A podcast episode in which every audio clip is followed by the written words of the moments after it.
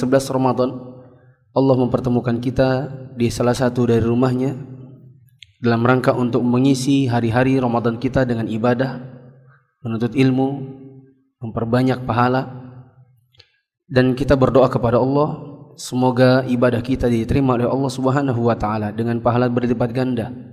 Semoga Allah Subhanahu wa taala kelak menjadikan pahala-pahala yang kita kumpulkan dalam Ramadan ini sebagai pahala yang memperberat timbangan kebaikan di hari kiamat dan Allah menjadikan kita sebagai penghuni surga. Teman-teman yang dirahmati Allah Subhanahu wa taala, kajian kita mulai dari tanggal 11 ini insya Allah akan selesai di tanggal 3 Juni. Kalau tidak salah itu adalah tanggal 18 Ramadan bila saya nggak salah hitung. Ya, kajian hanya sampai dengan tanggal 3 Juni dikarenakan 3 Juni itu insya Allah saya akan pergi umrah Ramadan. Saya doakan semoga antum juga insya Allah kapan-kapan bisa pergi. Semoga yang sudah pernah bisa pergi lagi. Maka kurang lebih mungkin hanya 8 hari saja.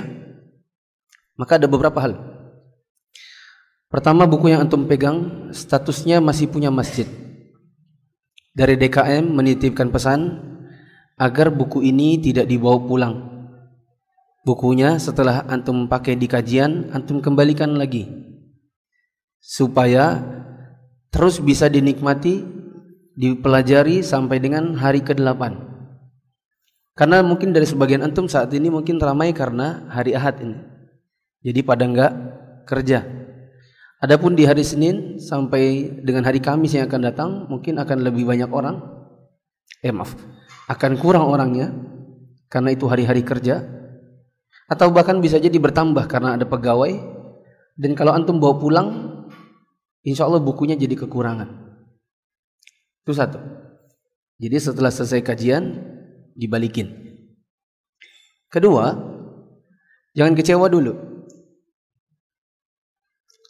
Sudah.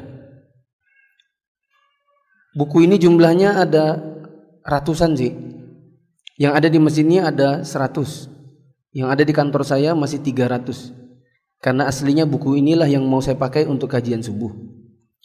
Artinya, kalaupun antum ingin supaya buku itu terus jadi punya antum, karena kan kita pengen pasti pengen tuh coret-coret, pasti pengen stabilo.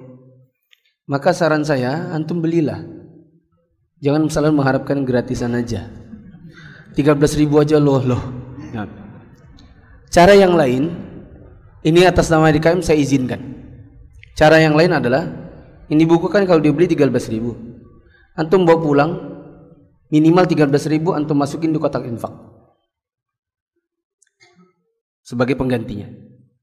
Siapa tahu antum kepengen buku ini jadi betul-betul punya antum.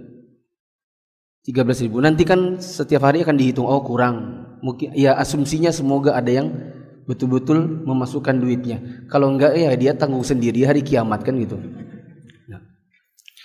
Soalnya sering juga di dalam kajian-kajian yang bukunya gerat, yang bukunya dipinjamkan, saya bilang, tolong balikin. Gak pernah balik utuh. Mesti kurang satu. Ada yang makan. Lagi kajian tengah-tengah, dia sudah di belakang gini. Gitu. Maksudnya, eh minta ya. Terus pergi. Padahal sudah bilang itu punya masjid. Ya. Gini, masukin. Berapa tahun lalu saya di sini, kayak gitu bapak-bapak. Tapi ya saya maklumi aja lah. Semoga Allah banyakkan rezekinya. Nah, kalau antum ingin, maka antum ganti bukunya, masukin duitnya di kotak infak. Karena ini punya masjid. Nah, kalau antum mau beli, berarti di luar dari masjid. Terus yang paling utama, yang saya juga umumkan adalah buku ini kan lumayan tebal. Meskipun tipis tapi tebal. Untuk kadar 8 hari. Untuk kadar 8 hari ini lumayan. Maka supaya bisa cepat habis, supaya betul-betul bisa tercapai, apalagi kalau judulnya apa? Bimbingan Islam untuk pemula, berarti saya harus mengajarkannya dengan metode betul-betul seolah-olah antum itu baru masuk Islam. Artinya, saya mungkin nggak akan jelaskan panjang-panjang. Mungkin dengan kadar yang saya anggap ini poin ini sudah cukup, maka saya lanjut. Tidak akan sedetail seperti misalnya saya mengisi kajian di Masjid Nasai hari Rabu atau Sabtu di Istiqlal atau di uh, eh, BDI hari Ahad yang per poinnya bisa satu jam, satu poin doang. Ya. Karena ini banyak, maka insya Allah saya hanya akan sebutkan sedikit, contoh sedikit, lanjut lagi. Semoga bisa mendapatkan tambahan pahala dan ilmu untuk antum semua. Kita langsung dibuka di halaman 3. Buka. Bimbingan Islam untuk pemula. Pokok agama Islam. Islam itu agama tauhid. Ringkasnya, siapa yang mengatakan dirinya ada orang orang muslim tapi ibadahnya tidak mentauhidkan Allah, maka dia tidak Islam. Siapa yang mengaku dirinya Islam tapi ibadahnya dua Tuhannya, maka dia bukan orang Islam. Misalnya mengatakan nyembah Allah boleh, Yesus juga boleh. Sebagian orang ada yang mengatakan demikian, tapi dengan bahasa halusnya mereka mengatakan semua agama itu semuanya sama baiknya. Maka orang seperti ini perkataannya membuat dia tidak menjadi orang muslim. Termasuk juga misalnya ada orang dia muslim tapi sholatnya, doanya dia tujukan ke kuburan, ke keris yang dikeramatkan, yang dimandikan setiap Jumat Kliwon, ke kepada pohon-pohon yang dianggap ada penunggu-penunggu yang bisa memberikan apa yang dia minta, atau dia minta kepada kerbau, sebagaimana yang dilakukan oleh sebagian orang di Jawa. Pada malam tertentu, hari tertentu mereka mengarah kerbau yang albino, yang mereka sebut dengan kerbau bule, Lalu sebagian dari mereka meminta kepada kerbau tersebut. Maka kita katakan orang ini bukan orang Islam. Islam Tuhannya hanya satu yaitu Allah dan mereka hanya meminta beribadah hanya kepada Allah. Dua, Islam itu agama pemersatu, bukan pemecah belah. Dia yang menyatukan orang-orang di zaman dahulu dari kalangan orang-orang yang akhirnya masuk Islam di zaman Nabi sallallahu alaihi wasallam di mana dahulu sebelum ada Islam, suku yang satu dengan yang satunya lagi mereka saling berperang, memperebutkan daerah, memperebutkan kekuasaan. Kemudian Islam datang mempersaudarakan mereka semua dengan satu nama yaitu semuanya muslim. Ya. Sehingga jamaah yang dirahmati Allah, kalau Anda ingin bersatu, apalagi kalau sama-sama mengaku dirinya Islam, Cara satu-satunya untuk bisa bersatu adalah kembalikan kepada Islam itu sendiri. Ajaran Anda, Anda Muslim. Ajaran Anda atau ibadah Anda sesuai dengan Islam atau tidak? Biar sesuai, insya Allah kita bersatu. Bila ada di antara kita yang beribadah tidak sesuai dengan Islam, maka kita tidak akan pernah satu. Islam itu ibarat rambu-rambu lalu lintas. Anda tabrakan, nggak ada kata-kata begini, sudahlah sesama Suzuki aja kok Gak ada kata-kata begitu. Sudah Pak ya, kita damai aja lah ya. Kan kita sama-sama yang maha. Itu tidak akan bisa diterima. Dikarenakan orang pasti akan mengatakan salah benar. Kau salah harus ganti. Terus bagaimana cara mengembalikannya? Kembali kepada rambu-rambunya, kepada bukan bukan kepada merek atau jenis kendaraannya. Kita tidak akan bersatu hanya dengan sekedar sama-sama bugis. Sudahlah, kita akan sama-sama bugis. Enggak, enggak bisa begitu. Kecuali mungkin di penjara iya. Kita tidak akan bisa bersatu hanya karena katakan sesama-sama sama-sama Jawa. Tapi kita akan mudah untuk bersatu apabila kita mengatakan kita, diri kita sama-sama muslim dan mengembalikan ibadah kita, akidah kita semua kepada Islam yang benar. Islam itu agama yang mudah, jelas dan bisa dimengerti. Tapi kalau seandainya agak susah, ya namanya juga belajar. Di situ butuh belajar. Antum siap-siap dengan pena dan stabilo ya. Butuh belajar. Ibaratnya kalau antum baru masuk Islam atau antum baru baru tobat nih bulan Ramadan ini atau bahkan mungkin baru tobat nih hari ini.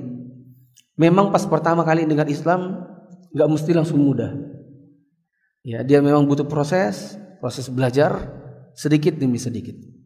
Sebagaimana dulu kita nggak mesti langsung mengerti soal matematika kecuali dengan belajar sedikit demi sedikit angka tambah kurang kali bagi baru mengoperasikannya. Islam tidak memisahkan antara moral dan material. Makanya di dalam Islam tidak hanya ada pelajaran akhlak, tapi ada juga pelajaran muamalah. Yang saya katakan, seandainya orang kafir belajar muamalah Islam, mungkin mereka masuk Islam. Seandainya orang kafir belajar muamalah di dalam Islam, mungkin mereka bisa masuk Islam. Misal, di dalam Islam diajarkan tidak boleh seseorang menawar barang yang sudah ditawarkan oleh saudara oleh saudaranya. Misal, di dalam Islam dilarang begini. Berapa ini? 10 ribu. 9 ribu lah ya. Tidak bisa pak 9 ribu. Ya sudahlah. Tengah-tengahnya ya 9.500. Tiba-tiba ada orang datang. Ku beli 12 ribu. Yang seperti itu dilarang di dalam Islam. Ya, dikarenakan menawar di atas tawarannya orang. Yang dipastikan apa pun agamanya pasti sakit hati. Ya tidak? Ya atau tidak? Aku lagi nawar tiba-tiba disalib orang. Pasti kan sakit hati. Di dalam Islam itu saja diajarkan. Apalagi yang lebih besar dari masalah itu. Islam mengajarkan persamaan, persaudaraan sesama muslim. Islam tidak mengajarkan kekuasaan pendeta yang memonopoli agama. Maka jamaah yang dirahmati Allah, salah satu tolak ukur Islam itu benar atau tidak pada diri seseorang, di dalam ajarannya tidak ada ceritanya misalnya khusus ustadz maka dia boleh apa? Enggak. Mau dia ustadz, mau dia orang awam, semua di mata Allah sama. Bila melakukan ini, melakukan sesuatu yang dilarang maka mereka berdosa semuanya dan diancam neraka semuanya. Hatta walau walau gurunya. Kalau kemudian antum mendapatkan ada ajaran Islam di mana gurunya mengatakan kalau kalian semua boleh so, masih sholat, saya beda. Saya ini sudah tidak sholat. Karena saya ini dengan Allah sudah nyatu. Maka kita katakan itu pasti Islam bukan Islam yang sesungguhnya. Dikarenakan dikotomi guru dibandingkan dengan murid-murid. Sebagaimana pendeta di zaman pendeta Yahudi dan Nasrani membedakan diri mereka dengan yang bukan diri mereka. Halaman 4. Saya kelajuan gak ini? Laju juga ya? Berarti lambat-lambat ya. Islam adalah Islam ada peraturan hidup yang sempurna. Islam mengatur berbagai aspek kehidupan manusia dalam ekonomi. Misalnya diatur muamalah. Dalam politik, makanya ada akam sultaniyah, akam soal kepemimpinan. Dalam kebudayaan, dalam sosial, ada yang namanya akhlak, pelajaran adab, dan lain-lain. Islam mengatur seluruh sisi kehidupan manusia. Ia mendorong kemajuan ilmu pengetahuan yang bermanfaat Islam pun menghalalkan harta yang diperoleh dengan cara yang halal yang tidak mengandung penindasan dan penipuan. Berarti kalau ada orang mengambil harta yang ada unsur menindas orang bisa jadi secara umum dia haram. Misalnya menindas orang jadi mandor. Ada proyek pekerjaan jalan. Ada mandornya yang pegang duit. Terus ada tukang-tukangnya. Dipaksa mereka untuk kerja di luar dari tanggung jawabnya, kemudian diancam kalau kamu nggak mau kerjakan ini, maka gajimu dipotong. Lalu gaji itu diambil oleh si mandornya. Berarti ini adalah uang haram. Begitu juga misalnya ada unsur penipuannya. Makanya di dalam Islam dilarang seseorang misalnya menjual kain yang jelek dia bilang bagus. Makanya Allah Rasul Wasallam mengatakan ada tiga golongan orang yang tidak akan dilihat oleh Allah di hari kiamat, tidak akan disucikan, tidak akan diajak bicara dan bagi mereka azab yang pedih. Salah satunya dari tiga golongan ini kata Nabi wasallam al-munfiqu sil'atahu bil bil. Yaitu orang yang mau melariskan dagangannya tapi sumpah palsu. Misalnya bagus, bagus, ini bagus, kualitas bagus, asli, luar negeri, padahal palsu. Melariskan dagangan dengan kata-kata palsu. Contoh yang zaman sekarang, Bapak Ibu bisa cari semuanya di mana aja. Di mana aja, semua pasti saya lebih murah. Padahal ternyata ada yang lebih murah lagi dari dirinya. Ya. Kalau ada gaya-gaya penipuan, maka ini harta-harta haram.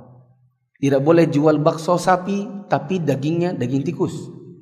Tidak boleh anjal jual batu akik tapi ternyata ferment fox. Ya. Nah.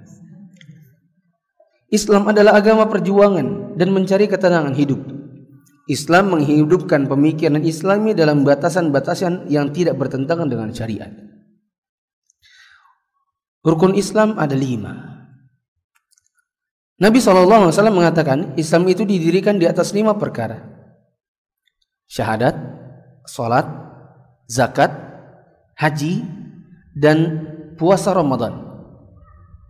Lihat puasa Ramadan nomor berapa di situ? Nomor lima. Berarti kalau ada soal soal masalah agama, judulnya bunyinya begini, sebutkan rukun Islam yang kelima. A B C D E. Terus ada yang mencoret E, Ramadan, maka itu betul. Kalau gurunya nyalahkan berarti gurunya belum mengetahui hadis ini. Dikarenakan di dalam hadis ini Nabi SAW mengatakan saum Ramadan diletakkan di urutan terakhir. Rukun iman ada enam. Iman kepada Allah, kepada malaikat, kepada kitabnya, kepada Rasul, kepada hari kiamat, dan kepada takdir Allah baik yang baik maupun yang buruk. Dengan tetap berusaha dan ridho terhadap hasil usaha itu karena semuanya dengan ketentuan dan hikmah Allah. Kalau ada orang mengatakannya, saya adalah orang Islam, mukmin. Tapi ditanya, kau percaya malaikat? Dia bilang enggak. Menurut saya enggak ada yang namanya malaikat. Maka dia bukan orang Islam. Ya. Ada orang di Mesir siaran di TV. Ditanya, apakah kau tak percaya dengan Muhammad, Jibril, Al-Quran?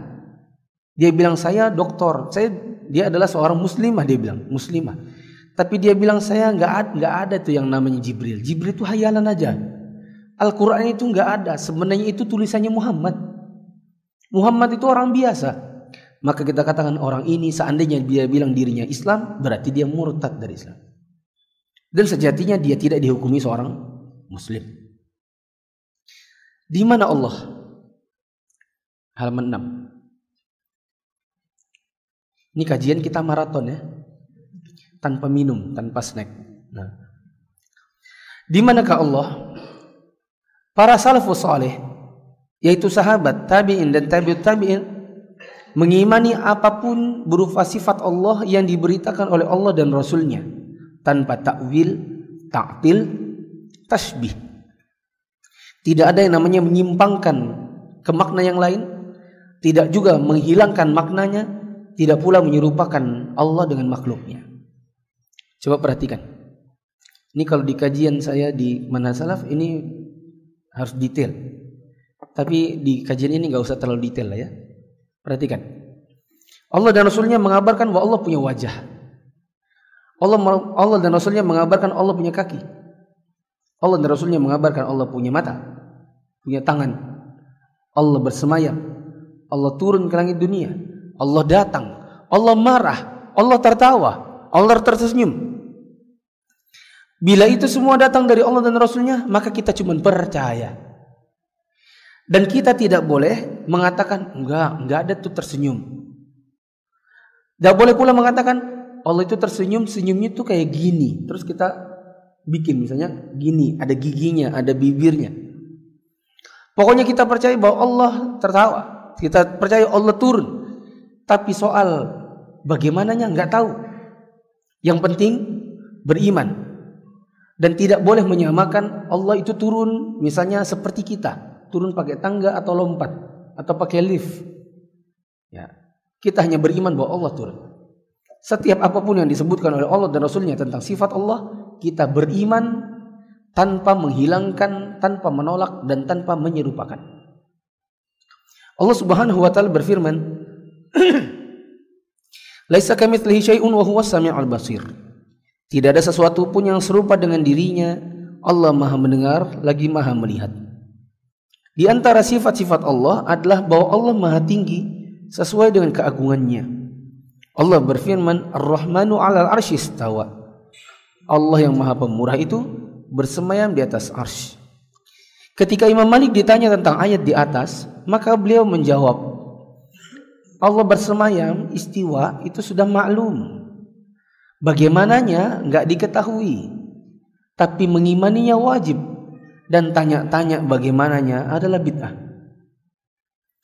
Perhatikan, sehingga kalau datang pertanyaan kepada antum, misalnya anak antum bertanya, ayah, ayah, ayah, Allah itu katanya punya wajah kah ya? Iya nak, punya wajah. Bagaimana wajahnya ya? Maka kita jawab, Allah itu punya wajah. Bagaimananya? Gak tahu. Tapi beriman bahwa Allah punya wajah harus. Dan gak boleh tanya-tanya bagaimana wajahnya. Dia tanya lagi, ya ya, katanya Allah itu punya kaki kah? Iya nak, kita punya kaki. Eh kita punya kaki. Allah punya kaki. Bagaimana sih kakinya? Maka jawabannya apa? Allah punya kaki. Terus? Bagaimananya? Gak tahu. Terus? Beriman bahwa Allah punya kaki? Harus. Terus? Dan gak boleh tanya-tanya tentang bagaimana kakinya Allah. Tapi masa masa kita nggak boleh tahu? Nggak boleh dikarenakan Allah melarang kita bertanya, Rasul melarang kita bertanya. Tapi kakinya kayak kayak kita kayak itu kamu mesti tanya-tanya juga. Ya. Terus kita bilang, ini meja. Meja punya kaki? Punya. Kita punya kaki? Punya. Sama maka kaki meja kita dengan kakinya kita? Enggak, enggak sama. Kalau sesama makhluk aja enggak sama, apalagi dengan yang menciptakan si makhluknya. Sudah enggak usah tanya-tanya bagaimana bentuknya, cukup beriman bahwa Allah punya kaki. Imam Malik menetapkan bahwa mengimani istiwanya Allah adalah wajib. Artinya Allah bersemayam di atas ars. Allah berada di atas. Akan tetapi bagaimananya hanya Allah yang tahu. Maka teman-teman juga kalau ditanya kapan-kapan, Allah di mana? Anak antum tanya, "Ya, ya, Allah di mana?" Jawabannya apa? Allah berada di atas langit bersemayam di atas ars. Dan tidak boleh mengatakan Allah di mana-mana. Dan termasuk perbedaan antara aliran yang lurus dengan yang menyimpang adalah dalam masalah Allah di mana. Para ulama kita meletakkan bab di mana Allah sebagai salah satu bab di dalam masalah-masalah akidah untuk dengan mudah membedakan ini menyimpang atau lurus. Bila ada yang mengatakan Allah di atas langit bersama di atas arsh itu ciri aliran lurus. Islam garis lurus. Kalau ada yang mengatakan di luar dari itu, misalnya mengatakan Allah ada di mana-mana, maka itu Islam garis bengkok. Dia adalah salah satu ciri aliran menyimpang. Al-Quran dan hadis, naluri dan cara berfikir yang sehat menunjukkan bahwa Allah ada di langit bersemayam di atas arsh. Contoh contoh hadis contoh Al-Qur'annya Toha ayat 5, Al-An'am ayat 3, Contoh hadisnya hadis Nabi SAW waktu bertanya kepada seorang budak wanita milik sahabat namanya siapa? Namanya Muawiyah bin Al-Hakam As-Sulami. Waktu Muawiyah bin Al-Hakam kehilangan kambing diterkam serigala. Maka dia tampar budaknya. Lalu dia mengadu kepada Nabi, curhat. Nabi suruh Muawiyah panggil budaknya. Setelah budak wanitanya datang, maka Nabi bertanya, "Aina Allah?" Di mana Allah? Budak itu mengatakan, "Allahu sama." Allah berada di atas langit. Ujung-ujungnya Nabi bilang, "Bebaskan budak ini." I'tik hafa innaha mu'minah. Budak bebaskan budak wanita ini karena dia mukminah. Lihat, Nabi bilang, "Bebaskan karena dia mukminah." Dari seorang budak gara-gara menjawab apa? Allah di di langit. Ini dari dalil Al-Quran, eh, dari hadis. Adapun dari ijma, maka ijma para ulama bahwa Allah berada di atas langit. Dan tidak ada kecuali yang menyimpang saja yang mengatakan Allah di mana-mana. Adapun dari akal, naluri, maka coba antum perhatikan anak-anak kecil yang masih awam, masih kecil, belum begitu tahu di mana Tuhannya. Kalau dia ditanya, kalau dia berdoa, tangannya ke mana? Ke atas. Gak ada ke depan. Allahumma barik lana fima razaqtana. Semuanya cuma begini. Dan kalau orang meminta, minta pakai putih atau putih atau telap atau hitamnya tangan. Putih. Gitu kan? Dan jatuhnya dari mana? Dari atas, pengemis. Kalau dia minta, dia pakai gini atau pakai gini? Pakai putih atau pakai telapak atau pakai punggung tangan? pakai telapak. Jatuh duitnya dari mana? Dari atas. Kalau orang meminta dengan telapaknya, Lalu dia mengharapkan Allah beri dari mana? Dari atas. Nabi SAW mengabarkan Allah turun. Coba turun itu dari mana? Dari atas. Atas mana? Atas langit. Maka ini menunjukkan bahwa kalau antum ditanya Allah di mana jawabannya? Allah di langit. Bersemayam di atas ars. Pembatal keislaman. Halaman 8. Saya langsung loncat dikarenakan apa yang saya ucapkan sudah termasuk di situ. Pembatal keislaman. Kalau dilakukan berarti orangnya terancam murtad. Lihat kata-kata saya, terancam. Saya nggak bilang murtad. Saya bilang terancam murtad. Dikarenakan sebagian dari hal-hal ini dilakukan oleh kaum muslimin yang memang mereka jahil. Mereka belum mengetahui maknanya, belum mengetahui hukumnya. Pembatal keislaman bila dilakukan pelakunya terancam murtad. Satu, berdoa kepada selain Allah. Misalnya kepada Nabi. Contohnya pergi ke Masjidil Haram, Masjid Nabawi, ada kuburannya Nabi lalu berdoa kepada Nabi. Ya Rasulullah, ya Rasulullah, rezeki ya Rasulullah, rezeki. Maka ini orang yang melakukan itu terancam murtad. Lagi-lagi saya katakan terancam karena bisa jadi melakukannya karena nggak tahu, maka orang yang nggak tahu harus diberitahu. Kita bilang Pak nggak boleh kayak gitu Pak, karena meminta itu hanya kepada Allah. Oh gitu kah? Iya Allah Rasul Wasallam itu hanya dimintai-mintai waktu beliau hidup, dimintai tolong, dimintai doa, dimintai uh, dimintai ilmu. Adapun setelah beliau wafat itu tidak boleh lagi. Kalau seandainya dia mengatakan, "Oh iya, terima kasih sudah diluruskan," maka dia bukan murtad. Tapi dia muslim jahil yang diberitahukan soal ilmu, lalu dia bertaubat. Kedua, menyembelih untuk rasul atau wali. Apalagi kalau menyembelih untuk yang bukan rasul. Misalnya tulis di situ, menyembelih untuk jin. Di negeri kita ini sangat banyak orang nyembelih buat jin. Mau bangun bandara, sembelih kerbau. Mau membangun gedung kantor, sembelih kerbau. Mama mati mau dibawa pergi ke kubur, sembelih ayam. Sembelih, sembelih, sembelih. Yang tujuannya bukan untuk Allah. Kenapa nyembelih kerbau buat bandara? Buat supaya nggak roboh. Kenapa sembelih kepala sapi buat buat gedung supaya utuh. Kalau ada gempa bumi nggak roboh. Kenapa sembelih ayam? Mamanya mau dibawa ke kubur supaya roh mamanya nggak datang kembali. Semua sembelihannya tujuannya bukan untuk Allah, tetapi untuk yang selain Allah. Maka pelaku seperti ini terancam murtad. Terancam murtad. Tapi kalau kita ketemu, jangan langsung, "Eh, murtad." Ya.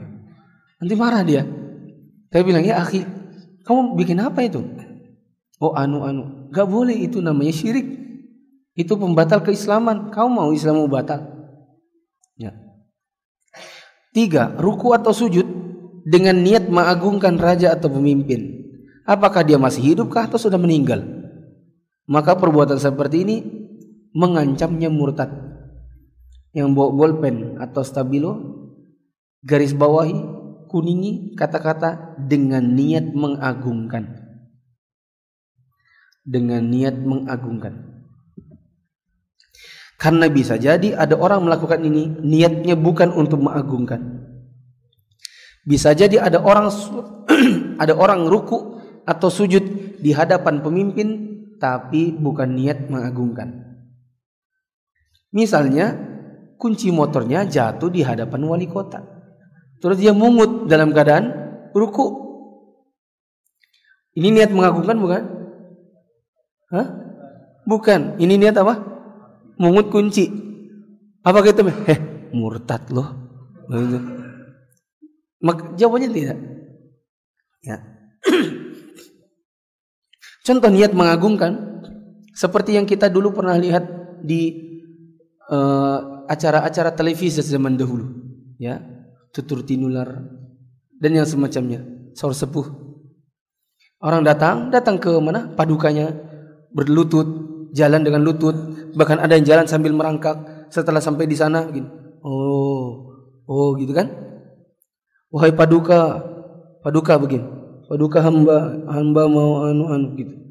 Ini bentuk pengagungan kepada sesama manusia. Dan yang seperti ini membuat pelakunya murtad. Eh, membuat pelakunya terancam murtad. Nah. Sebagian kaum muslimin di zaman ini mereka melakukannya ke kuburan. Ada sebagian kuburan yang di negeri kita ini di tanah Kalimantan diagungkan.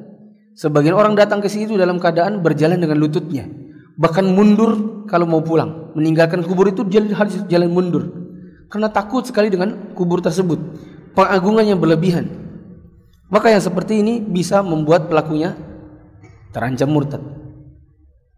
Empat, mengingkari salah satu rukun Islam. Misalnya mengingkari kewajiban sholat, mengingkari kewajiban zakat, puasa dan haji. Kalau tidak mengerjakannya maka ada rincian-rincian hukum.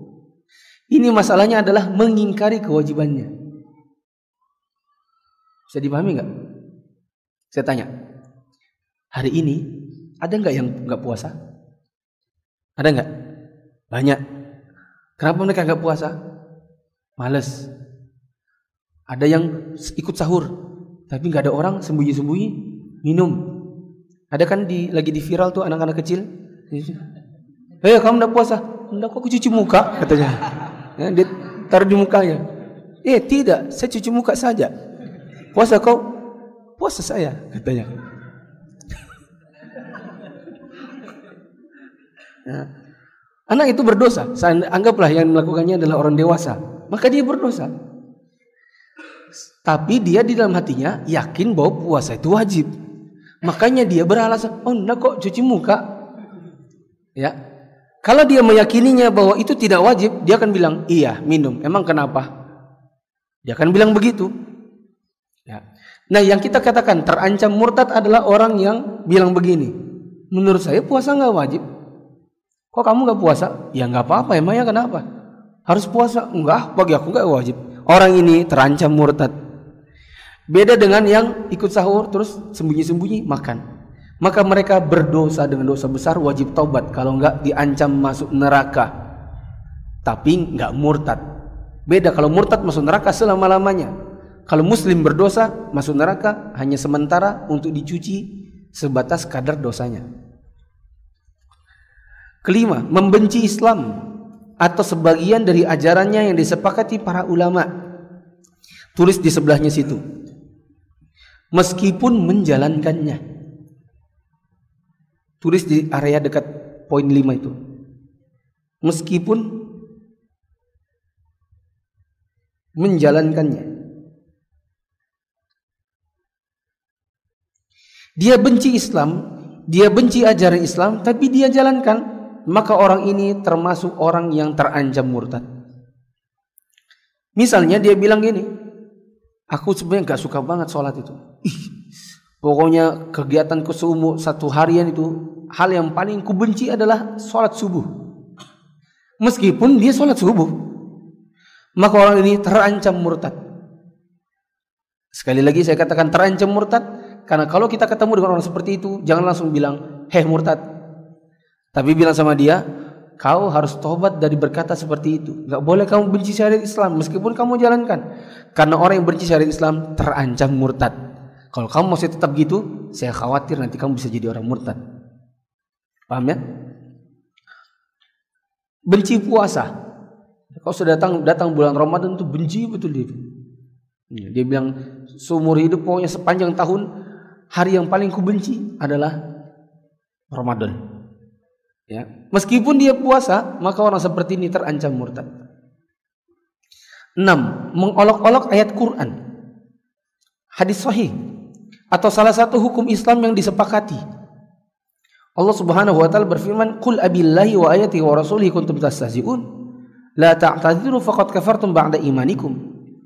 Katakanlah, apakah kepada Allah, ayatnya, rasulnya kalian berolok-olok?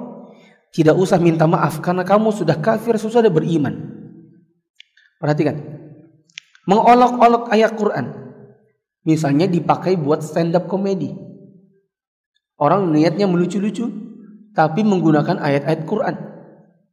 Ya. Ada satu orang ustadz yang saya pernah dengar niatnya melucu sambil dakwah, tapi secara tidak sadar dia melucu-lucu dengan ayat Quran. Dia mengucapkan wa may ya'mal mithqala dzarratin uh, khairan yarah. Ya. Faman ya'mal mithqala yarah. Wa may ya'mal faman ya'mal mithqala dzarratin khairan yarah wa may ya'mal wa may ya'mal. Dia bilang miskal, miskal. Tuh Allah aja miskal. Ya. Maka kalau Allah miskal kita dan semacam itu. Ya, dengan menggunakan ayat niatnya diplesetkan buat ngelucu. Maka orang seperti ini terancam murtad meskipun ustad. Kan saya sudah bilang tadi di awal, Islam itu tidak ada dikotomi pendeta dengan bukan pendeta, ustad dengan bukan ustad. Semua orang di mata Allah sama. Hukumnya. Contoh yang lain menghina hadis Nabi. Misalnya ada dai di Indonesia ini terkenal di media, dia mengatakan, uh, dia pernah bilang hadis itu meskipun sahih kalau nggak sesuai akal buang aja. Dia bilang begitu. Lalu dia bawakan contoh. Contoh yang dia bawakan di videonya itu, dia bilang gini. Nabi SAW mengatakan batal terputus sholat seseorang yang dilewati oleh tiga wanita yang sudah haid, anjing hitam dan keledai. Kalau dilewati oleh tiga ini maka terputus sholatnya. Terus coba lihat, ini hadis-hadis sahih. Tapi coba lihat, Nabi menyamakan wanita sama anjing hitam. Kata dia. Mas, ini hadis meskipun sahih kalau nggak sesuai akal buang. Masa wanita disamakan sama anjing hitam? Kata orangnya. Apa kata kita? Kata kita, penyandingan sesuatu dengan sesuatu nggak mesti penyamaan. Sesuatu dengan sesuatu nggak mesti penyamaan. Contoh, contoh. Di antara pembatal sholat adalah tertawa dengan membunyikan suara. Itu tidak? Hahaha gitu batal sholat. Ya atau tidak? Buang angin dengan suara pasti batal. Ya atau tidak? Terus sama-sama keluarkan suara? Sama. Terus apakah dubur sama mulut sama? Paham gak maksud saya? Hah? Kalau dia bilang sama berarti mulutnya dia sama-sama duburnya. Kalau saya nggak mau sama. Ini tempat makan, itu tempat keluarnya. Gitu. Kalau dia mengatakan itu sama, wanita sama dengan anjing hitam, kita bilang berarti mulutmu dan duburmu juga sama. Karena sama hukumnya. Menurutmu kan sama. Menurut kami nggak sama. Wanita adalah wanita yang dimuliakan. Anjing hitam adalah ciptaan Allah yang lain. Dan dia jelmaan setan. Nabi mengatakan wanita melintas wanita yang sudah haid melintasi orang maka sholatnya putus, ya sudah putus aja. Karena kita beriman kepada apa yang dikatakan Nabi SAW itu datang dari Allah sebagai wahyu untuk beliau. Contoh yang lain adalah memperolok hukum Islam. Misalnya mengolok jenggot. Ya. Jenggot kan sering diolok tuh. Dibilangin kambing lah, dibilangin uh, apa namanya?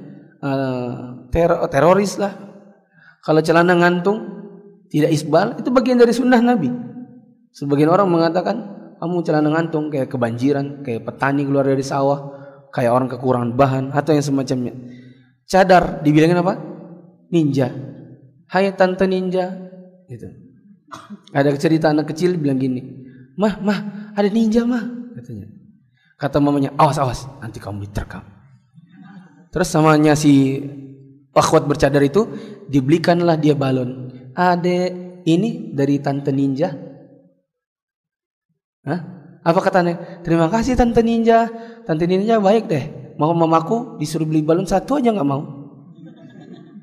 Akhirnya yang keninja ninjaan tadi itu apa? Uh, maksud saya gini, dia dia dia sunnah Islam, dia bagian dari syariat Islam, tidak boleh kita ejek. Ya. Dan kalau seandainya anda diejek, maka tunjukkanlah bahwa ketika anda dibilangin ini dan itu, anda tidak membalasnya dengan sesuatu yang jelek.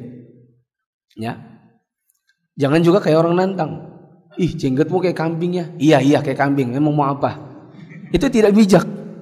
Ih, celanamu kok ngantung gitu sih? Kamu kayak petani aja kayak dari sawah. Ya. Iya, emangnya kenapa? Ya. Itu kan jadinya uh, seolah-olah kita itu nantang. Ya. Tanggapi yang baik. Ya, tapi ini sudah Nabi. Nah gitu aja. Kalau kamu mau kamu mau ikut, alhamdulillah, anda ya, apa-apa. Tapi jangan berolok-olok. Ini sudah Nabi loh. Gitu. Adapun ayat tadi ini, ayat ini tadi turun karena ngejek Nabi dan ngejek sahabat Nabi. Ceritanya adalah dalam sebuah peperangan ada seorang laki-laki dari kalangan munafik ikut-ikut perang, tapi waktu lagi istirahat dia menghina Nabi. Apa hinanya? Dia bilang saya belum pernah ketemu dengan laki-laki dan sekelompok orang yang jadi sahabatnya yang lebih buncit-buncit dan rakus makan ketimbang Muhammad dengan teman-temannya. Dia menghina Nabi dengan perkataan buncit dan rakus makan. Begitu juga dia menghina sahabat-sahabat Nabi karena dia bilang seorang dan sahabat-sahabatnya. Cerita ini sampai ke telinganya Nabi, maka dipanggil orang munafik itu. Kemudian orang munafik itu minta maaf. Anu kok ya Rasul, anu kok cuman main-main aja kok, canda aja kok, situ aja marah. Turunlah ayat ini. Allah mengatakan, katakanlah apakah kepada Allah, Rasulnya, ayat-ayatnya kalian olok-olok, nggak usah minta maaf. Kamu sudah kafir, sudah beriman. Maka kita katakan, orang yang berolok-olok dengan Nabi, dengan Allah, dengan ayat-ayat Allah, maka dia terancam murtad. Orang yang seperti ini harus dinasihati. Ya. Ya. Saya pernah dulu di kecil dengar ada orang mengajikan eh, mengajikan surat Al-Maun dengan nada kopi dangdut. Itu udah saya nyanyi ya, tapi tahu kan kopi dangdut zaman tahun 90 dulu. Dia nyanyikan Al-Quran dengan nada kopi dangdut. Ya. Lalu mood orang tertawa. Maka yang seperti ini, ini harus dinasehati. Tapi apakah langsung, heh murtad?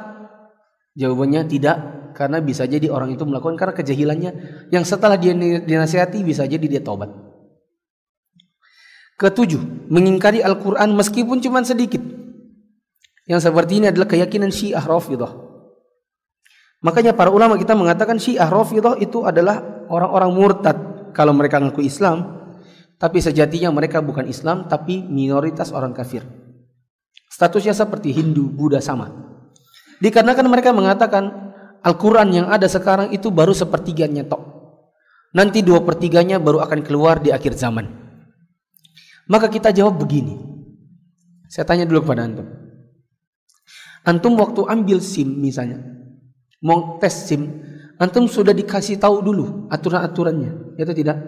Foto, SKCK, uh, eh, surat ke dokter, anu umur 18 tahun, KTP, bla bla bla, sudah dikasih tahu dulu kan? Itu tidak? Apakah ada orang begini? Sudah selesai dapat SIM, baru dikasih tahu ada foto, KTP, ada? Gak ada. Kenapa? Karena tak ada gunanya peraturan bila peraturan dilakukan setelah yang diatur. Itu tidak. Maka kita katakan bila anda punya keyakinan Al-Quran ini baru sepertiga, dua pertiganya turun nanti di akhir zaman, kita katakan itu ayat-ayat percuma. Kenapa? Sudah habis zamannya, aturannya baru datang belakangan. Ya atau tidak? Maka tidak ada gunanya. Dan akidah seperti akidah yang membuat pelakunya yang meyakininya murtad dari Islam. Kedelapan, mencela Allah. Mengutuk Islam. Menghina Nabi memperolok beliau, menentang ajarannya. Karena ini semua adalah kekafiran. Mencela Allah misalnya menunjuk ke langit kemudian mengatakan, "Hei Allah." Misalnya apa ya? Ada seorang ada seorang public figure di Indonesia ini pernah begitu. Dia mengatakan dalam pidatonya. Karena dia murtad. Waktu dulu dia masih Islam, di akhir-akhir keputusasaannya dengan Islam dia bilang gini, "Heh Allah, hidup gue udah kayak gini," katanya. Mulai hari ini aku akan tinggalkan Allah katanya dan aku akan ganti cari Tuhan yang lain. Ya, karena dia merasa bahwa Allah tidak memberikan apa yang dia mau. Maka orang di sini apalagi sudah ganti Islam, ganti agama, maka dia murtad dari Islam. Ya, contoh yang lain menghina Nabi misalnya membuat karikatur Nabi. Ya. Atau bahkan ada sebagian orang yang juga public figure di Indonesia ini punya akun Facebook, Instagram, yang sering membuat status-status yang hinanya adalah hinaan kepada Islam. Ada seorang tokoh, dosen di salah satu universitas negeri di Indonesia ini. Waktu terjadi pengeboman, Kan orang waktu terjadi pengumuman kan yang ngebom pakai jilbab, pakai cadar. Orang Islam juga. Ya atau tidak? Sebagian dari kita para penggiat media sosial membuat status yang meluruskan. Islam berlepas diri dari terorisme. Yang ngebom itu tidak mengerti Islam. Jilbab itu tidaklah identik dengan teroris. Jenggot, cadar itu tidak identik dengan teroris. Ada orang ngaku dirinya Islam, dia bikin status yang berkebalikannya. Dia bilang suka tak suka, diakui tidak akui, memang teroris itu memang berasal dari Islam. Tapi orang yang ngaku dirinya Islam. Paham gak maksud saya ini? Maka orang seperti ini murtad dari Islam. Statusnya status murtad. Ya. Wallahu alam bisawab. Juga memperolok-olok Nabi, misalnya ngolok Nabi yang misalnya istrinya dikatakan istrinya lebih dari empat lalu dinamakan apalah apalah. Maka orang seperti ini status mereka adalah murtad dari Islam. Mau pakai tanya jawab kah? Ada yang mau tanya? Nggak ada. Saya lanjut sampai setengah dua. Setelah itu sudah saya. Kesembilan, mengingkari salah satu nama, sifat dan perbuatan Allah yang ditetapkan dalam Al-Quran dan Sunnah yang sahih, kecuali tidak tahu atau karena mentakwilkannya. Misalnya mengingkari nama Allah Ar-Rahman. Dia bilang nggak ada nama Ar-Rahman. Ar-Rahman itu bukan bukan nama Allah. Maka yang seperti ini bisa membuat pelakunya menjadi murtad. Tapi kebanyakan manusia dalam hal yang seperti ini tidak mengetahui. Kesepuluh, tidak mengimani semua rasul yang diutus oleh Allah untuk menyampaikan hidayah kepada manusia dan mengurangi jumlah mereka. Misalnya, seperti yang saya contohkan tadi di Mesir, dia bilang gak ada rasul, gak ada yang namanya Jibril. Quran itu cuma tulisannya Muhammad. Muhammad itu orang biasa, orang seperti ini murtad dari Islam. Ya. 11. Mengharamkan apa yang dihalalkan oleh Allah, menghalalkan apa yang diharamkan oleh Allah. Misalnya Allah haramkan riba. Terus dia bilang menurut saya riba itu nggak apa-apa. Loh tapi banyak kok Al-Quran dan ayat yang ayat Al-Quran dan hadis yang menyebutkan haramnya riba.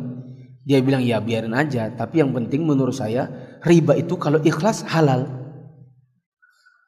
Ada nggak orang bilang begitu? Ada. Misalnya orang bilang begini.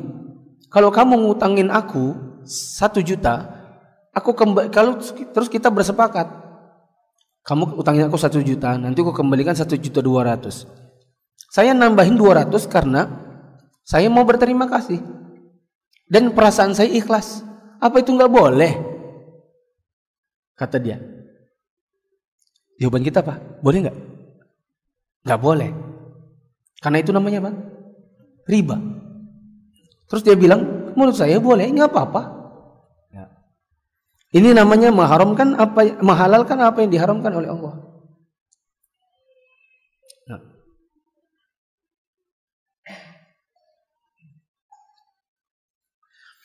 Kedua belas percaya pada ajaran-ajaran yang bertentangan dengan Islam seperti jadi komunis ngaku dirinya Islam tapi dia mengatakan nggak ada Tuhan atau ajaran ateis Freemansori Yahudi sosialisme, marxisme, sekularisme, nasionalisme yang dia utamakan ketimbang Islam.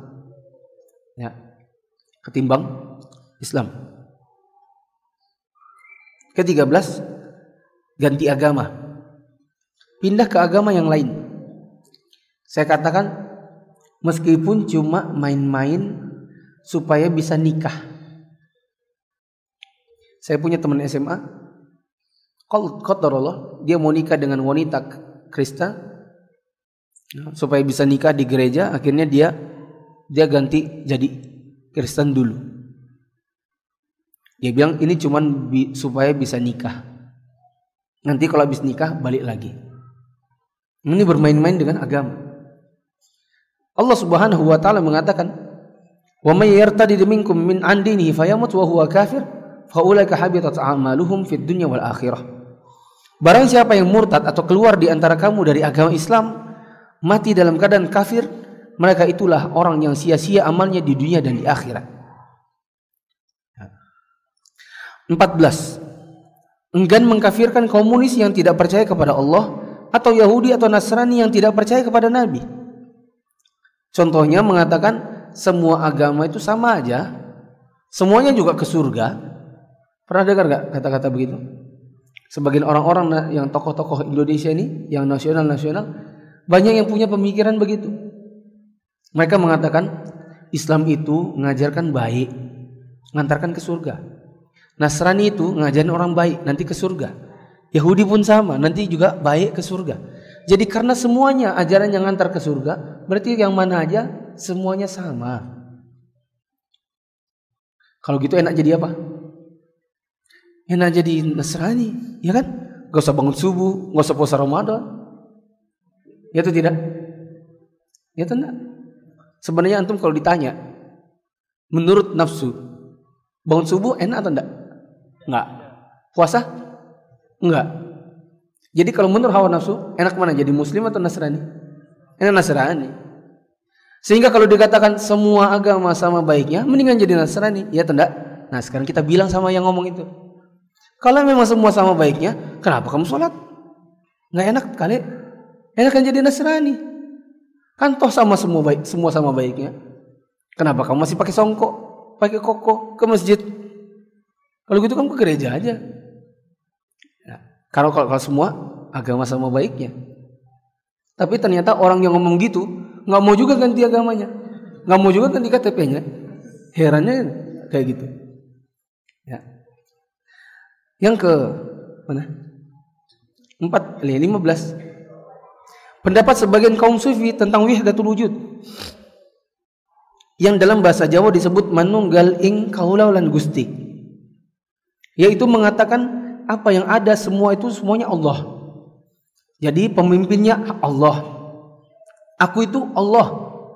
Eh, dan Allah adalah aku. Para ulama mengatakan hukuman mereka hukuman mati. Ya, ada seorang uh, Ibnul Arabi di zaman dahulu punya guru, gurunya meyakini bahwa semua yang ada di alam ini semuanya Allah. Lalu dia mengatakan, "Wahai guru, ketemulah jalan-jalan dekat lewat bangkai anjing. Wahai guru, kalau gitu ini Allah juga. Mau ndak mau kan harus konsisten sama omongan sendiri. Dia bilang, iya, an, an, bangkai anjing ini Allah juga. Maka dia bilang, astagfirullahaladzim. Asyhadu an la ilaha illallah Muhammad Rasulullah. Saya keluar dari ajaran ini. Dikarenakan fitrah dia tidak meyakini masa iya ada binatang najis bangkai lagi di situ juga ada Allah. Dan ini samalah perkataan dengan sebagian orang yang, yang bilang Allah di mana-mana. Bila Allah di mana-mana, di atas ada, di bawah ada. Di WC ada, di rumah ada, di bangkai kambing ada, di bak sampah ada. Semua Allah ada di mana-mana. Maka kita sucikan Allah dengan mengembalikan pada Al-Quran dan Sunnah yang mengatakan Allah di mana tadi? Di langit. Di mana dia? Bersemayam di atas arsh. Ke-16 mengatakan bahwa agama terpisah dari negara dan berpendapat bahwa Islam tidak mengatur urusan politik. Sebagian orang ada yang mengatakan begini dan ini terancam murtad. Sebagian orang ada yang mengatakan begini. Bahasa lain nomor 16 ini. Dia bilang gini. Kamu kalau mau bicara agama dalam masjid. Tapi kalau sudah di kantor bicaranya dunia. Ada orang mengatakan begini. Sudah kamu gak usah pakai dalil-dalil. Kamu kalau pakai pakai dalil-dalil, no, di masjid aja. Kata mereka. Ya kan? Ke masjid aja. Adapun kalau sudah dihukum di kantor ini, maksudnya gini loh, misalnya, eh nggak boleh loh, itu namanya suap, suap itu haram, nggak boleh kamu terima-terima amplop gitu. Apa katanya? Kalau kamu cari gitu dalam masjid, kalau di kantor ini yang penting sama-sama suka. Jadi dia membedakan mana masjid, mana kantor. Seolah-olah Allah itu hanya berlaku di masjid. Sebagian orang pun mengatakan begitu. Hukum Allah itu di dalam masjid di luar dari masjid maka hukum kita.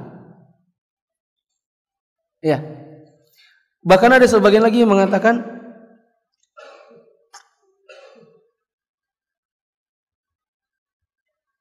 Oh gini. Sudah kamu kalau ngomong sunnah, sunnah, sunnah, Islam, Islam, Islam, karat. Jangan di Indonesia. Kalau di Indonesia itu hukum Indonesia. Ini kata-kata gini, ini adalah kata-kata halus dari nomor 16. Ya, yaitu memisahkan antara agama dengan agama dengan dengan urusan dunia. Saya tanya, emang sedunia ini yang ciptain siapa sih? Allah, maka hukum Allah berlaku di mana-mana. Antum di mana aja, hukum Allah mengikat pada diri antum. Kecuali antum mau bilang antum murtad atau antum bilang Nasrani, ya enak selesai. Tapi ternyata yang bilang gitu mau tetap dibilang Islam juga. Sementara keyakinan kita dalam Islam bahwa orang Islam itu di mana saja dia berada, dia berlaku hukum Allah. Makanya Rasul mengatakan ittaqillaha haitsa wa kunt. Bertakwalah kepada Allah di mana saja kamu berada, enggak cuma dalam masjid keluar dari masjid terus jadi orang orang orang jahat. Nah, eh saya balik dikit. Yang tadi yang bilang mencela Allah atau mengejek Allah tadi, saya pernah dapat dulu di salah satu universitas di, di Indonesia. Universitas yang berlabelkan Islam. Mereka punya uh, acara ospek dan di dalam ospek itu di dalam ospek itu dibuat spanduk dari luar pagar kampus. Di luar pagar kampus sambut anak baru judulnya begini. Selamat datang di area bebas Tuhan. Area bebas Tuhan. Selamat datang di area bebas Tuhan. Berarti masuk ke dalam situ area bebas Tuhan. Ini yang bikin spanduk, yang bikin kata-kata nih. Ini termasuk terancam murtad. Di dalam sana mereka diwajibkan untuk ber, ber, beryel-yel judul bunyinya anjingku akbar. Ya. Antum bisa browsing, antum akan ketemu universitas mana. Di dalam situ, ospek beberapa tahun yang lalu, sekitar awal-awal tahun 2000-an, mereka bikin spanduk selamat datang di area bebas Tuhan. Di dalamnya disuruh teriak-teriak yel-yel anjingku akbar, anjingku akbar. Ya. Maka orang-orang seperti ini terancam murtad. Wallahu alam bisawab. Kita selesai sampai poin ke-16 di hari ke-11 Ramadan ini. Sudah jam setengah dua belas. Saya beri bonus antum kesempatan bertanya cukup tiga orang. Ada? Saya beri kesempatan antum untuk pulang. Ada? Oh. Mana kalau ada anggapan orang bilang pemerintah itu togut maka wajib dibom sana sini? Bagaimana bila ada orang beranggapan pemerintah itu togut sehingga wajib dibom atau wajib dibunuh? Yaitu anggapan yang yang pakai Al-Quran. Tapi Al-Quran yang mereka pakai tidak dengan pemahaman para para ulama. Nah, misalnya firman Allah Subhanahu wa taala, "Wa man lam yahkum bima anzalallah, faulaika humul kafirun." Siapa yang tidak berhukum dengan hukum Allah, maka dia kafir. Apakah kemudian kalau ada pemerintah tidak berhukum dengan syariat Islam, pasti kafir? Menurut orang-orang berpemikiran khawarij, iya. Menurut ahlu sunnah, tidak. Ada rincian-rincian. Bahkan sahabat Nabi yaitu Ibnu Abbas mengatakan apa kata Ibnu Abbas? "Waman lam yahkum bima anzalallah fa kafirun." Barang siapa yang tidak berhukum dengan hukum Allah maka dia kafir. Kafir di sini adalah kata Ibnu Abbas kufrun duna kufur. Kafir tapi tidak menyebabkan pelakunya keluar dari Islam. Kafir yang seperti apa sih? Yang tidak menyebabkan pelakunya keluar dari Islam? Banyak. Misalnya kufur nikmat. Seorang istri kalau dia bilang sama suaminya, sembilan tahun aku nikah sama kamu, aku nggak dapat apa-apa. Padahal di jarinya tuh emas banyak. Ya. Tabungannya dia sendiri. Bahkan dia pegang ATM suaminya. Giliran dia marah sama suaminya, dia bilang apa? Sembilan tahun aku nikah sama kamu, nggak dapat apa-apa. Itu kufur apa? Kufur nikmat. Apakah kafir istrinya? Apakah suami bilang dasar kafir? Tidak, tidak seperti kata kafir kemudian keluar dari Islam. Amin. Sudah? Subhanakallahumma wa bihamdika asyhadu an la ilaha illa anta astaghfiruka wa atubu ilaik. Kalau tidak mau dibayar, balikin. Jangan dibawa pulang. Nanti berat urusannya di hari kiamat. Kalau nanti mau bawa, bawa, tapi duitnya di kotak infak. Saya sudah salam ya? Belum kah? Assalamualaikum warahmatullahi wabarakatuh.